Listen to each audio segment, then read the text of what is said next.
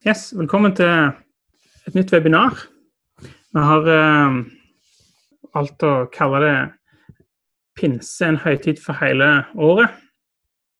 Vi har hatt webinar som, eh, som en sånn form vi har brukt. En kommunikasjonskanal i mangel av at vi ikke har hatt gudstjenester og treffpunkt. Vi har brukt webinar nå i koronatida. Så dette er det fjerde webinaret vi har ønsker å i dag formidle noen tanker om pinsen som vi skal feire i helga. Be en bønn, og så går vi i gang. Jesus, takk at uh, du er her. Takk at du er her og følger oss alle. Jesus, jeg ber om du skal være nær i hver enkelt sitt liv, i hvert hus de sitter. Uh, jeg ber om du skal holde det i hånden vår, at du skal åpne ditt ord for oss, at du skal snakke til oss, snakke til hjertene våre, sånn at vi forstår mer av hvem du er, og vi kan minnes deg og vokse i troen på deg, Jesus.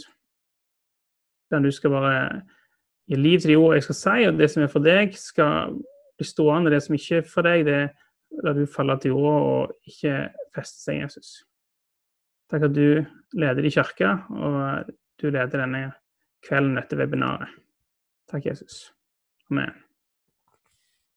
For et par uker siden så møtte jeg en huskirkepastor som hadde dette spørsmålet.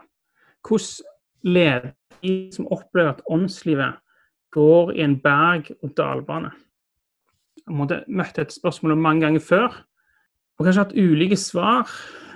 Svaret jeg har ikke vært feil, men kanskje vært på et eller annet vis ufullstendige. Jeg måtte dratt i retning som snakket om rytme i forhold til bibellesning, i forhold til bønn, eller snakket om hva som skjer i livet. Er det ytre ting, er det indre ting, er det åndelige aspekter gjør, i livet som gjør at eh, livet oppleves, åndslivet oppleves som berg-og-dal-bane? Denne gangen jeg fikk dette spørsmålet, så umiddelbart så var det sånn en bønn som danna seg i hjertet mitt. Som bare sånn Far, hva skal jeg svare nå? Hvordan kan jeg gi et svar som leder og inspirerer til en bibelsk sannhet som måtte sette fri fra denne berg-og-dal-banen. Og litt sånn overraskende så opplevde jeg at Den hellige ånd bare svarte veldig konkret og momentant. Og leder meg til en historie om, om Peter på første pinsedag. Der han forteller om hvem Jesus er og hva han har gjort.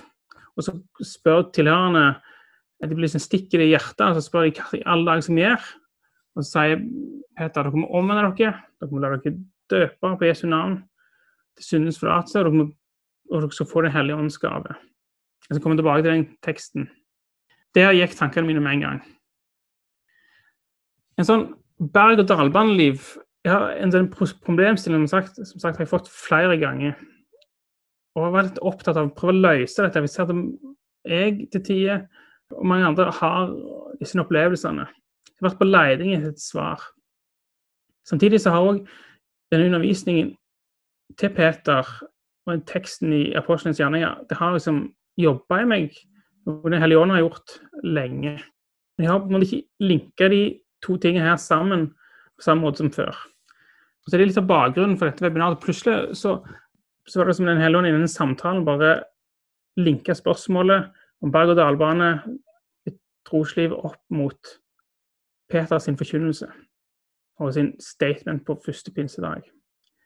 En annen ting som har gått til kverna i meg, er når jeg for ca. to år siden begynte i samtaler med Bedekirka om å joine inn i pastorteamet, så ble jeg tidlig veldig fascinert av, måte, av fundamentet til Bedekirka, som handler om at frelse ikke er en engangshendelse.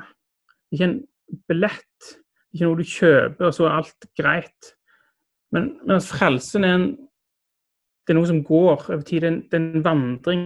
Det handler om fortid, noe som har skjedd. Det handler om noe som skjer i dag. Og det handler om noe om en gang skal vi bli frelst.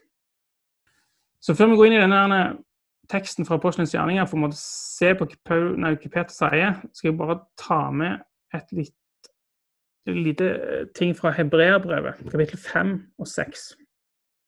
Der er det som om forfatteren introdusere et ord eh, vi kaller for barnelærdom. Snakke om de grunnleggende ting i Guds ord.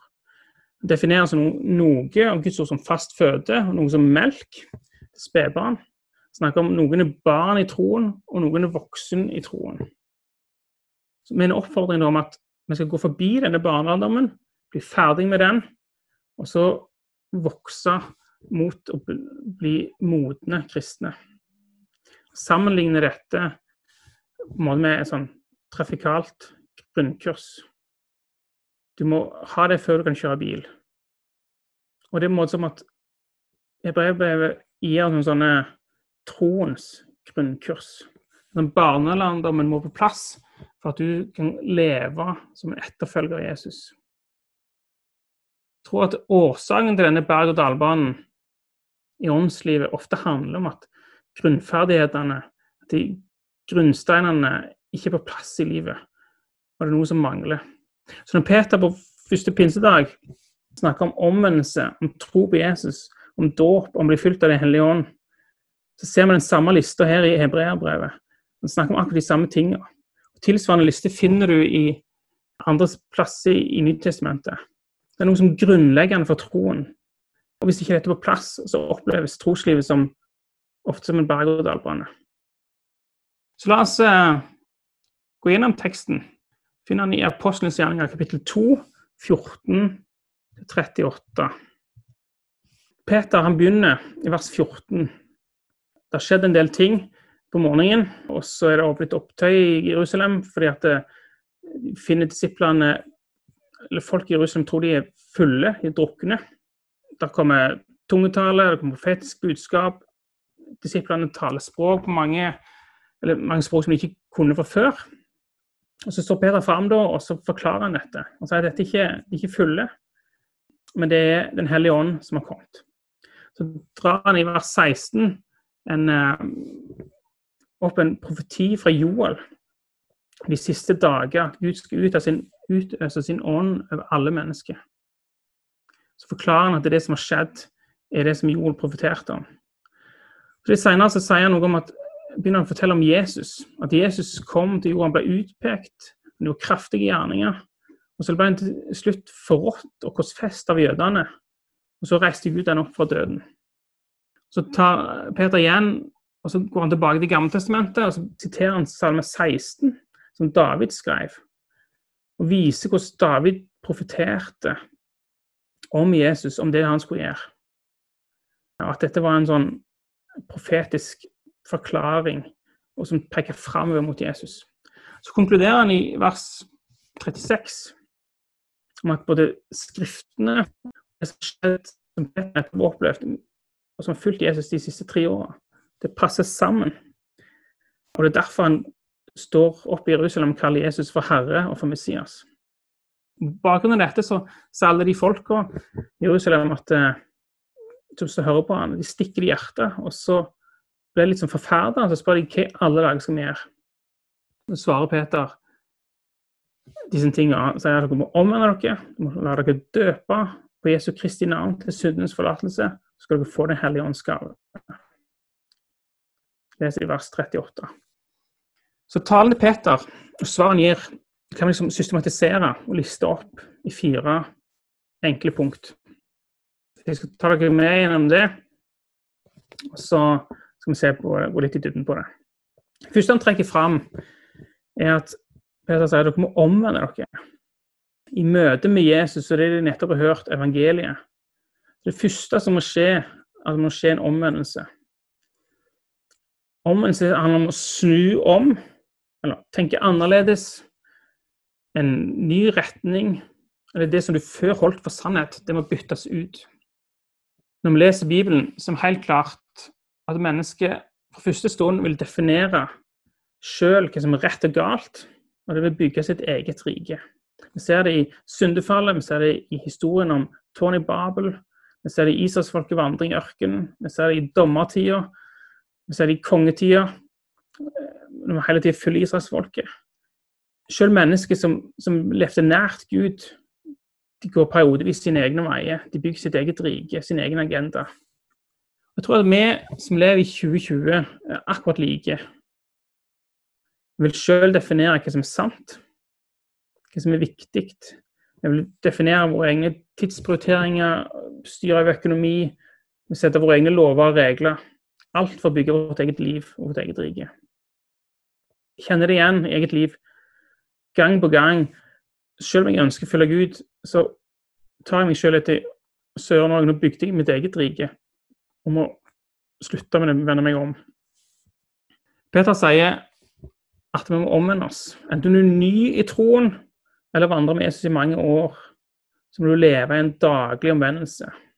Jesu ord på dette samme er at du må ta opp ditt kors, følge Han. Du må omvende deg og legge alt av deg, legge alt bak deg. Alt i deg som ønsker å bygge din egen agenda, ditt eget rike. Det må du legge fra deg og ta opp korset ditt og vandre etter Jesus. Vi må omvende oss og kjenne at det er Gud, Fader, det er Han som er Gud. Det er Han som vet best, ikke oss sjøl. Det er han, hans sannhet som er gjeldende, ikke vår egen. Hans rike som skal bestå, ikke vårt eget. Jeg tenker om omvendelse at det er lurt å lage seg vaner om omvendelse lurt å øve seg opp til en daglig omvendelse. Jesus snakket om det å leve i lyset. David snakker om det å ransake med Gud, en bønn han ber. Jeremia har også en bønn 'Omvend meg, Herre', så jeg blir omvendt. Så det er lurt å ha vaner for en omvendelse og en bekjennelse, ikke bare i eget liv, men også i et fellesskap. I Bedehuskirka har vi ofte snakket om radar et ord vi har valgt på en sånn type personlig relasjon med f.eks. ett eller to andre mennesker, der du lever i lyset, du forteller hva som skjer i livet, du bekjenner synd, for å bringe ting opp i lyset, for å ikke bygge ditt eget rike, for å ikke sette din egen agenda. Jeg tror det er lurt å ha vaner sånn som det. Ha vaner for omvendelse. For de fører deg til at du blir mer lik Jesus. Du får mer av hans sinnelag. Du rydder bort ditt eget, og så gir du rom til Jesus. Jeg snakker om vaner for omvendelse. Jeg tror du aldri blir ferdig med denne omvendelsen. Jeg tror at Så lenge du lever i denne verden, så vil det alltid være noe å ta tak i.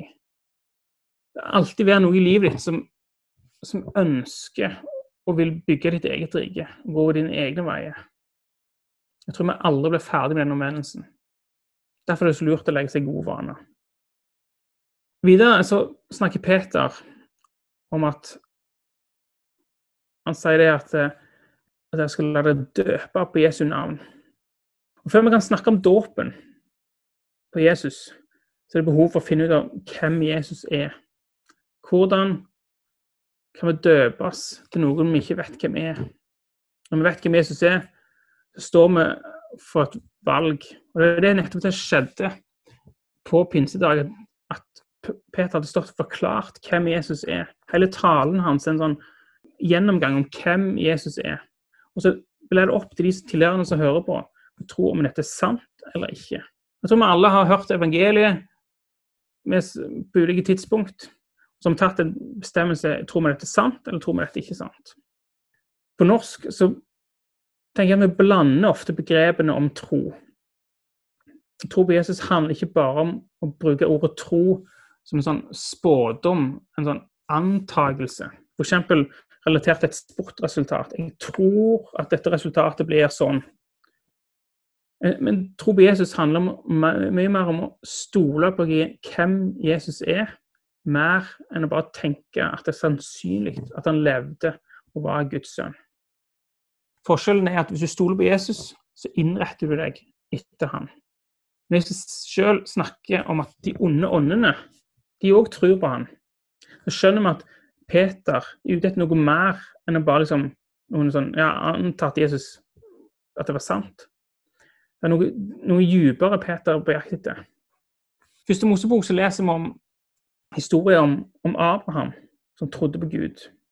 Og Han trodde på Gud på en sånn måte at han satsa alt. Han oppga alt. Og han vandra, gikk på en reise resten av livet ut mot noe ukjent. Noe som ikke visste hvor var hen.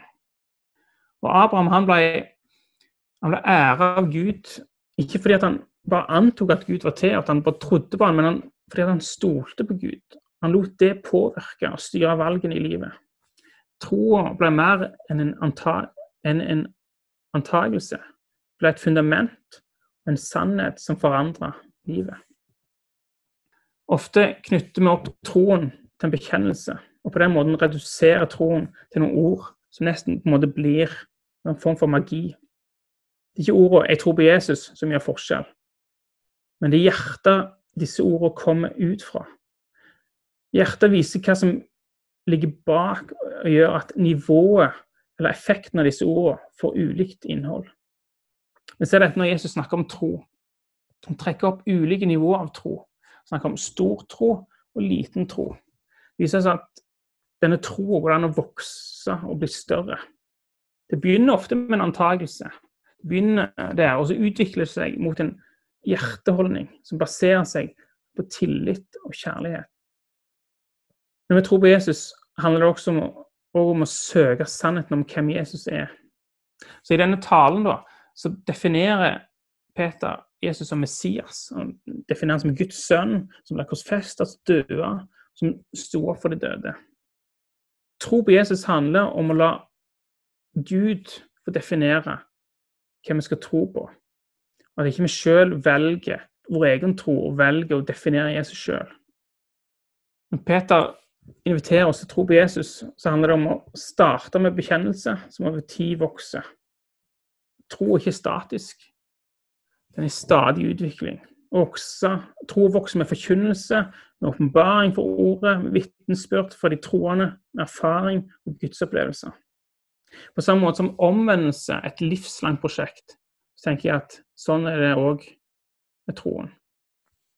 Det tredje som Peter trekker fram etter omvendelse og om tro på Jesus, så snakker han om dåp. Jeg skal ikke gå mye inn på dåp, men bare et par ting. Han sier det at det, vi blir døpt til syndenes forlatelse. Og Dåpen har vært en sentral del av den kristne kirka i 2000 år. Så den òg vet vi at den har vært gjenstand for debatt og splittelse.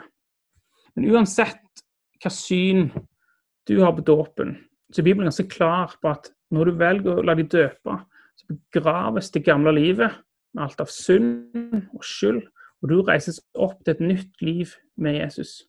Vi begraver det gamle livet, som er født under forgjengelighet. Så får vi del i Kristus sin oppstandelse og et liv i uforgjengelighet, med Jesus som her i livet. Dåp er en viktig del i frelsen, en vandring med Jesus mot å bli frelst i denne verden, til en evighet med ham. Det siste punktet som Peter nevner, er Den hellige ånds gave. Og det er kanskje dette vi forbinder sterkest med pinse, som vi nå skal feire i helga. Noe av det siste som Jesus sa, var før han reiste opp til himmelen Han sa det 'Vent, Jerusalem, til dere får kraft i det Den hellige ånd kommer over dere'. Så Jesus beskriver denne at Den hellige ånd kommer over dem som en dåp. Den hellige ånd den blir gitt for å gi kraft til å være vitne om Jesus fra Jerusalem helt til jordens ende handler om å bygge kirke. Den er gitt for oss for å bygge kirke, det står at Ånden er herre i menigheten. Den ånden ble også gitt for at vi skulle ha et nært forhold til Gud. Gud skulle komme nær til oss, en intim relasjon, ta bolig i oss. Hellige Ånd kom for å gi oss gaver. Han har gitt oss gaver som gjør at vi har mulighet til å handle ut over vår menneskelige evne. Og så har han Helligånd kommet for å overbevise om synd, lære oss om hele sannheten å kjenne. og kom for å kalle oss til tjeneste. Det er som dette i Johannes kapittel 16. Så ser vi at Jesus drar fram at Den hellige ånd gir oss ord i rett tid, og han gir oss ledelse når vi trenger det. Så på denne måten ser vi at Den hellige ånd er virksom i alle de andre punktene som Peter drar fram. Han snakker om at vi skal omvende oss. Så Den hellige ånd som leder oss til omvendelse, som overbeviser oss om synd. Når Peter snakker om at vi tror på Jesus, så er det Den hellige ånd som bygger troen i oss. Det er Den hellige ånd som lærer oss sannheten å kjenne. Så sier Peter at vi må døpes, og når vi døper, så får vi Ånden som gave. Det er mange måter å snakke om Den hellige ånd på, mange måter å tilnærme seg Den hellige ånd. Av og til tror jeg at vi har en tendens til kanskje å systematisere litt for mye. og sagt Helligånd sånn og sånn og sånn. Jeg tror at Bibelen bruker mange bilder for å prøve å forklare hvem Den hellige ånd er. At vi har ikke begrep til å fullt ut fatte hvem Den hellige ånd er. Men Bibelen snakker om at vi må bli fulgt av Den hellige ånd. Snakker om at Den hellige ånd er en gave til oss som, som er gitt fra Gud. Snakker om at det er bedre at Den hellige ånd er der, enn at Jesus var der.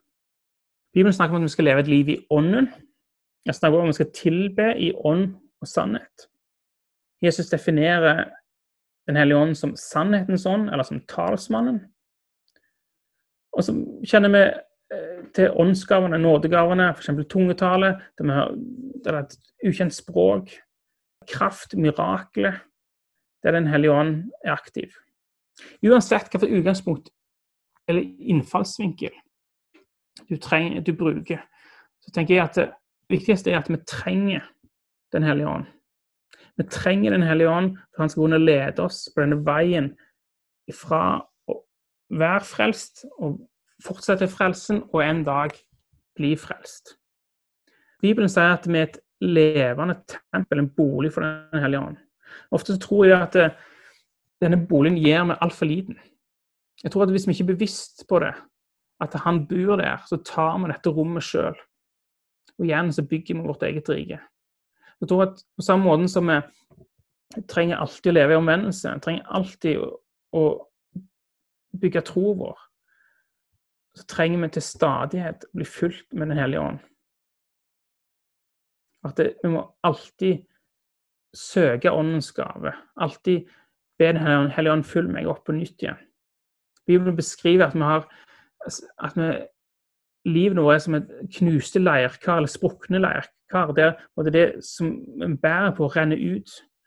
Sånn tror jeg det med Den hellige ånd òg, at fordi at vi er syndige mennesker Det gode renner ut, for vi fyller på med, med synd, vi fyller på med egne ting. Så gjelder det om hele tiden å fylle på på nytt igjen med det gode. Så når jeg For et par uker siden fikk dette spørsmålet da, om denne berg-og-dal-banen i åndslivet, eller om at Gud oppleves som fjern eller av og til lett å håndtere eller vanskelig. Liksom, livet med Gud oppleves som berg-og-dal-bane. Så Svaret mitt ble det at jeg stilte vedkommende spørsmålet Lever du et liv i omvendelse? Tror du på Jesus? Er du døpt? Er du fulgt av Den hellige ånd? Altså på en annen måte, for å bruke hebreerbrevet, har du stått grunnkurset? Har du, har du barnelærdommen på plass? Jeg tror at eh, mye grunn til en sånn berg-og-dal-baneliv handler om at eh, kanskje alle disse tingene er på plass. Eller kanskje du trenger å vokse. Kanskje du trenger å vokse i omvendelse. Kanskje du trenger å vokse i troa di. Kanskje du må bli fulgt med Den hellige ånd på nytt. Så derfor, når jeg skulle sette en tittel på dette webinaret som en sånn pinse, en høytid for hele året Men hele tida må vi vende tilbake til disse grunnleggende tingene. Pinse handler om Den hellige ånd som kom. Den hellige ånd kom for at vi skulle bli fylt med kraft. Kraft er mektig gjerne å gå ut og gjøre store mirakler, forkynne evangeliet om Jesus. Men kanskje først og fremst så kommer han for å lede oss til en daglig omvendelse, til å styrke troen vår, og til å så sende oss ut med kraft. Så når Paulus snakker om omvendelse, tro og dåp og fulgt av Den hellige ånd, så det er noe som, som er grunnleggende for vår kristen tro, og som vi må ta med oss hver dag. Yes. Skal jeg be en bønn? Jesus, takk at uh, du, Hellige Ånd, kom til jord. Takk at du, Jesus, levde her. Så vant du seier for oss. Takk, Jesus, at du mektig til stede i våre liv med Den hellige ånd. Takk at du har gitt Den hellige ånd til oss. Du, du hos, bor i alle hjertene til de som tror på deg. Jeg ber med deg, Hellige Ånd, at du skal lede oss i disse tingene. Du skal lede oss i omvendelse. Du skal lede oss eh, til å vokse i troen. Takk for eh, åndens gave i dåpen. Takk, Jesus, at du fyller oss med kraftige gjerninger. Og til å fylle oss med kraft til å vandre etter deg. Du fyller oss med kraft til alt vi trenger. Helligånd, jeg ber for for oss alle at du skal bli mer synlig i vårt liv. At du skal ta stort rom i vårt liv. Og at du skal være herre. Du skal lede oss. Og at vi skal gi deg plass til å være den du er. Jeg ber om i ditt navn, Jesus. Amen. Yes, Det var et par refleksjoner om eh, pinse, Den hellige ånd, og Peters tale på første pinsedag. Ha en fortsatt god kveld.